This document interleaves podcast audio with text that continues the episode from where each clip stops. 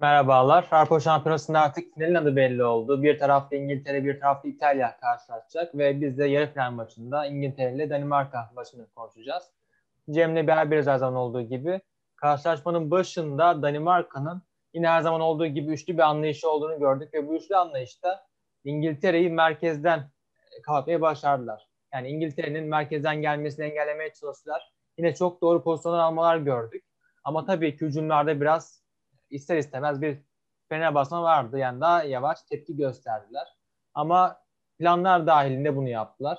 Yani şöyle ilk 15 dakika biraz daha top İngiltere tarafındaydı. İngilizlerin daha yoğun baskısını gördük ama 15'ten sonra çok iyi aldılar oyunu. Ve bu iki yönde de çok iyi tuttular karşılaşmayı. Damsgaard'ın çok iyi bir performansını gördük. Yani maçın ilk bölümünde özellikle ilk 25 dakikasında her şey aslında Danimarka'nın istediği gibi gidiyordu. Ardından gol de geldi zaten. Ama devamında İngilizler işte o geniş rotasyonu çok iyi kullandılar. Gerçi pek kullanamadılar. 95'e kadar beklediler kullanmak için. O yüzden çok tepkiliydik bizler de. Ama yine de bu geniş rotasyon Danimarka'nın giderek düşen temposuyla birlikte sonuca ulaşmaya başardı. Danimarka aslında düzenden çıkarttı yani İngiltere'yi. Biz bir tepki bekliyorduk. Aslında beklediğimizi verdi bizim Danimarka. Yani maçın bütününe bakarsak uzatmayı bir kenara koyacak olursak ezildiğini ya da çok sürklası olduğunu söyleyemeyiz. En fazla top kaybettiği ilk yarısını oynadı. İngiltere 15 top kaybı yaptı. İkinci yarıda bu 8'e 9'a kadar düştü mesela. İngiltere ikinci yarıda topu daha fazla aldı. Oyunu daha istediği gibi yönlendirdi. Bence bu maçı İngiltere'nin lehine döndüren en önemli şey senin de söylediğin gibi aslında buraya gelecek yani iş. Rotasyon oldu. Çünkü Danimarka topu sahip olduğu tempo yavaşlattı ve pas yapabildiği noktalarda ilk yarıda bunu iyi yapabildiler, etkili oldular. Ama Eriksen, e, Christensen çıkınca oyundan ki çok iyi topu kullanan bir stoper uzun vurmalar başladı. Devamında Delaney de çıkınca sakatlanınca o da sakatlandı maçın sonuna doğru. O da bağlantıyı kuran oyuncu. Geçen maçta çok iyi oynamıştı herkes biliyor. Bu iki değişiklikten sonra Paulsen, Yusuf Paulsen geç kalındı bence.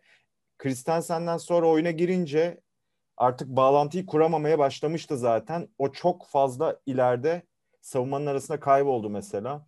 İngiltere istediğini aldı. Penaltıya da değinmek gerek. Evet. Bence penaltı değildi kesinlikle. Sen ne söylersin? Ya bence de öyleydi. Yani şöyle oldu. Belki bu maç e, İngiltere ile Danimarka arasındaydı ama dünyada belki de 500 milyon yeni kişi İtalyan taraftarı oldu. belki de bizler de İtalya'yı biraz daha sempatiyle destekleyeceğiz final karşılaşmasında. Yani çünkü bu seviye için çok çok ucuz bir penaltı. Yani tekrar tekrar baktık. 4-5 farklı açıdan izledik. Ama bir türlü ikna olamadık. Yani ben çok inceledim. Bir müdahale bekliyorum ama yok yani. Hiçbir şey yok.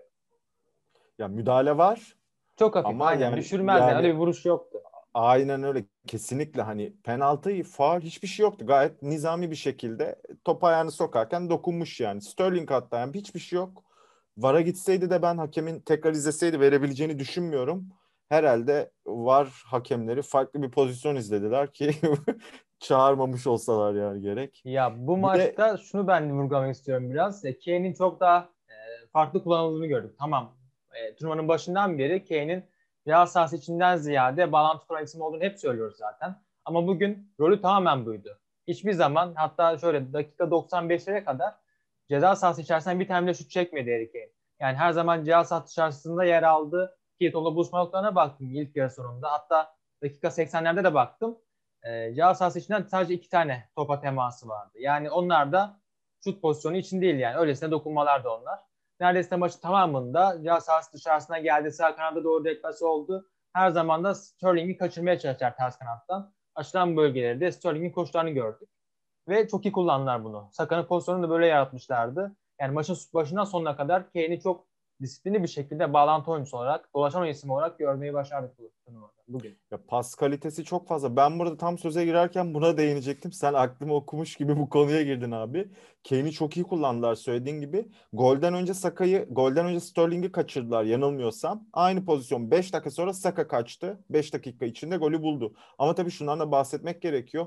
Yani dün de bu konudan bahsettik. Biz beşli savunma varken oradan o şekilde delinmemeniz gerekiyor. Çünkü Kane orada geriye çıkıyor. Önce geriye çıkıyor, boşaltıyor. O geriye çıktıktan sonra Danimarka savunması rahatlıyor. Ondan sonra topu aldığı anda Sterling koşuya atıyor. Ya da Saka. Ondan Saka, sonra Saka, deliniyorlar. aynen, Saka. evet. Golde Saka öncesinde Sterling. Hı. Yani bunu müsaade etmemeniz gerekiyor. Kane çıkınca işte buna sebep oluyor. Hadi Southgate tamam onu bunu yaptınız. çok iyi okumuş olacak ki. Hadi o hatayı yaptınız mesela. E, offside çizgisini bozmayın en azından defans yerleşiminde. Westergaard'ın çok basit bir hatası var. Çizgiyi bozdu. Yani hatalar zinciri gördük orada. Ama Kane'in topu alışı tabii ki. Tam zamanda pası göndermesi, Saka'nın vücudunu konumlandırması. Yani başka bir oyuncu olsa muhtemelen offside'e yakalanacaktı. Ama harika bir konumlandırma yaptı. Çok olağanüstü bir gol gördük. Çok kaliteliydi. Bunun dışında da aslında yani bu pozisyonda bulup ikinci yarı ve uzatmada da özellikle penaltı haricinde ben golü bulmasını bekliyordum İngiltere'nin. Uzatmada çünkü baskıyı çok fazla art, arttırmışlardı artık. Çünkü sürekli Danimarka uzun vuruyordu. Bu kadar geride derinde karşılayıp topla da ileri çıkamayınca, rakibi hiç geri koşturamayınca ama bir şekilde yani Schmeichel'a mesela parantez açmak gerekiyor. Penaltıyı da kurtardı artık. Evet. Ama şans devreye girdi. Kane'in önüne geldi top. Yani müthiş bir maç çıkardı. Yani biraz müthiş daha bir maç uzağa çıkardı. gitseydi o top muhtemelen defans araya girecekti. Tam da Kane'in istediği yere gitti top. Yani yine Aynen orada da şans İngiltere'nin yanındaydı. Ee, var hakemleri de mutlu olmuşlardır belki de bu golden sonra. yani şunu da vurgulamak gerekiyor dediğin gibi. Yani ilk 70 dakika Danimarka elinden gelen her şeyi yaptı. Yerde güzel konumlandılar. Gol çok ekstraydı. Ee, ama ondan sonra yavaş yavaş düşen bir takım vardı. Dediğin gibi değişiklikler çok can yaktı. Christensen'in çıkması, Delaney'nin çıkması bunlar önemliydi.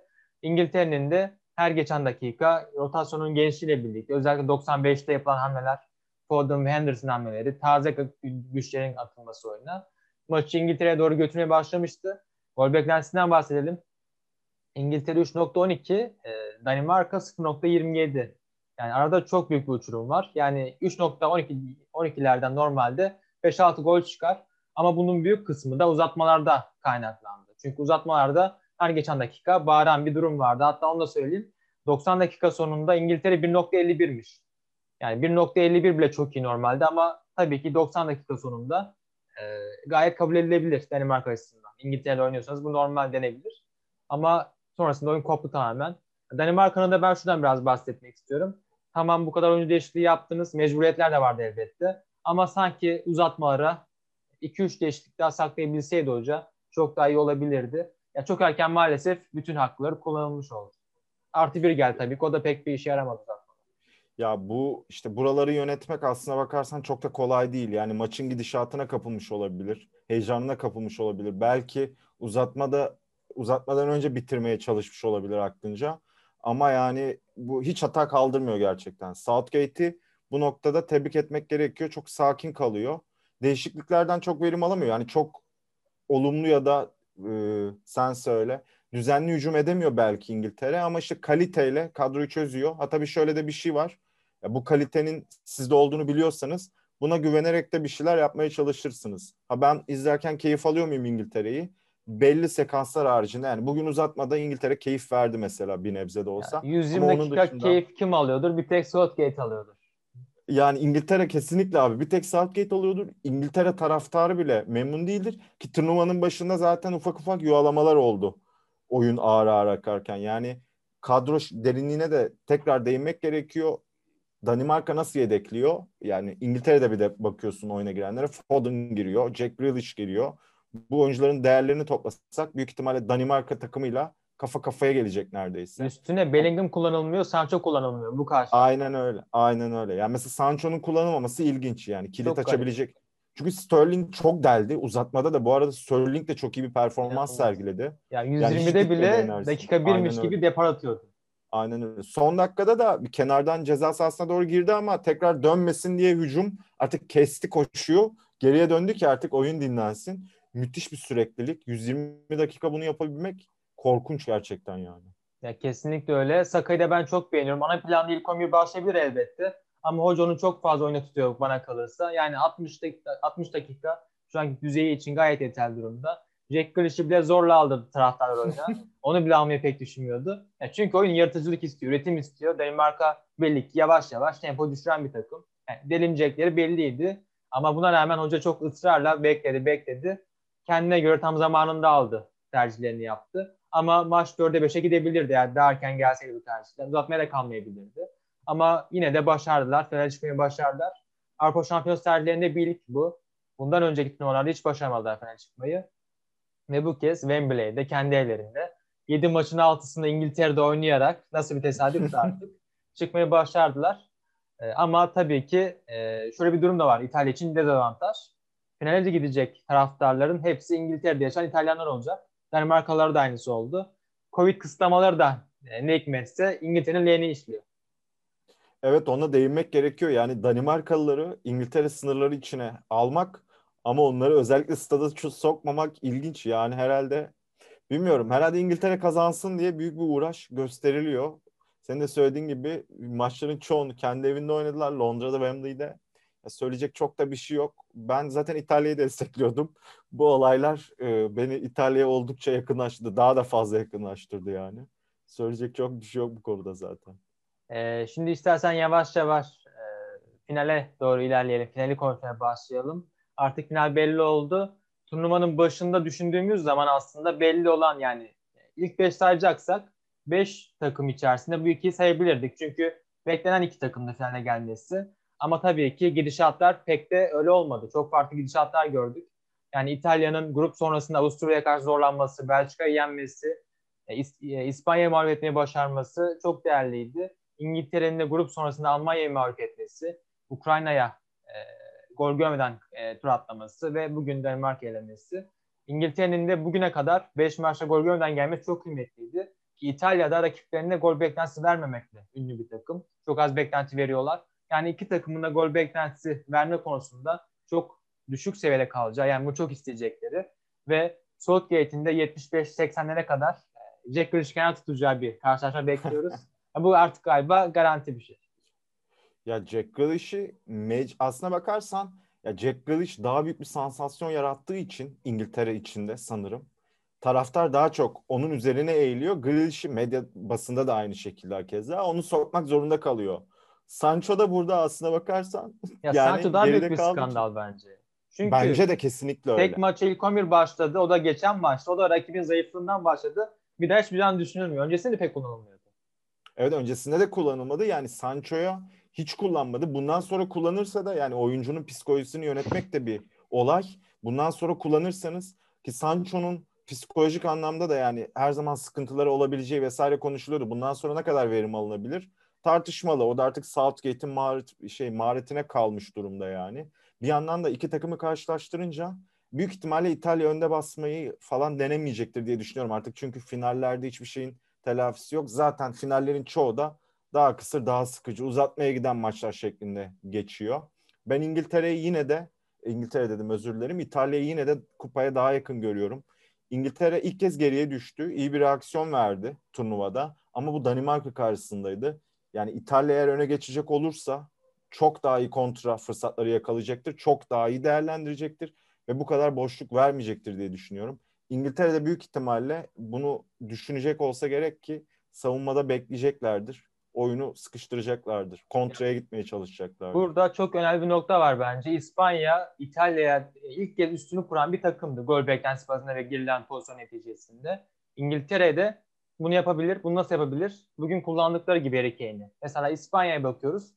E, İtalya'ya karşı bu kadar fark yaratırken onlar Olmo'yu saatte 9 olarak kullandılar. 4-6-0 olarak tabir edeceğim şekilde. Olmo hep dolaşan ve ana merkezde pek kalmayan e, diğer oyunculara pozisyon yaratan isimdi. İçe giren oyuncular çok iyi destekledi. Harry Kane de bugün aynısını yaptı. Acaba diyorum ben de finalde benzeri bir düşünce ortaya çıkar mı? İspanya gibi kullanılabilir mi? Bunu bence İtalya'nın zayıf karnı denebilir. Yani Harry Kane tabii ki hem Kelly'nin hem Bonucci e, mücadeleye girecektir. Ama yine Sterling'i bugün yaptıkları gibi Emerson'un arkasına ya da kanat değiştirip Lorenzo'nun arkasına mutlaka kaçıracaklardır. Ki e, bu iki isim sıkıştığında önceki maçlardan hatırlıyoruz. E, Saka takımın hücumdaki ana yönlendiricisi oluyordu. Yani Kane ve Sterling çok az topla buluşuyorsa Saka takımı ileri çıkan isim oluyordu. Yine benzerini görebiliriz. İtalyanların bakalım nasıl bir baskı gücü uygulayacaklar. Merkezde ise biraz İtalya'nın daha iyi kapatması e, muhtemel olacaktır. Yani iki takım da çok iyi şekilde merkezi tutmaya çalışacak. Kane'in senin söylediğin gibi Kane'i bu şekilde kullanmaları olası ki yani bunu İtalya'da zaten İtalya-İspanya maçında gördük. Ama bence o noktada şöyle bir sıkıntı yaşayabilir İngiltere. İspanya bunu topa çok iyi sahip olarak yaptı. Topu hiç vermeyerek yaptı. İngiltere topu bu kadar aldığında bugün Danimarka karşısında gördük. Baskılarda çok problem yaşıyor. Kesinlikle Kane'i böyle kullanacaklardır. Ama çok fazla öne çıkmaya çalışırlarsa, hücum sürekliliğini arttırmaya çalışırlarsa, yerleşmeye çalışırlarsa bence problem yaşamaları olası. Ama tabii rakibi şaşırtabilir yani bir sürü olasılık, bir sürü değerlendirilebilecek şey var. Evet çok fazla çeşitlilik var. Yani mesela İtalya'da çok sevmez top oynamayı. Avusturya maçı mesela %52, %53 civarındaydı.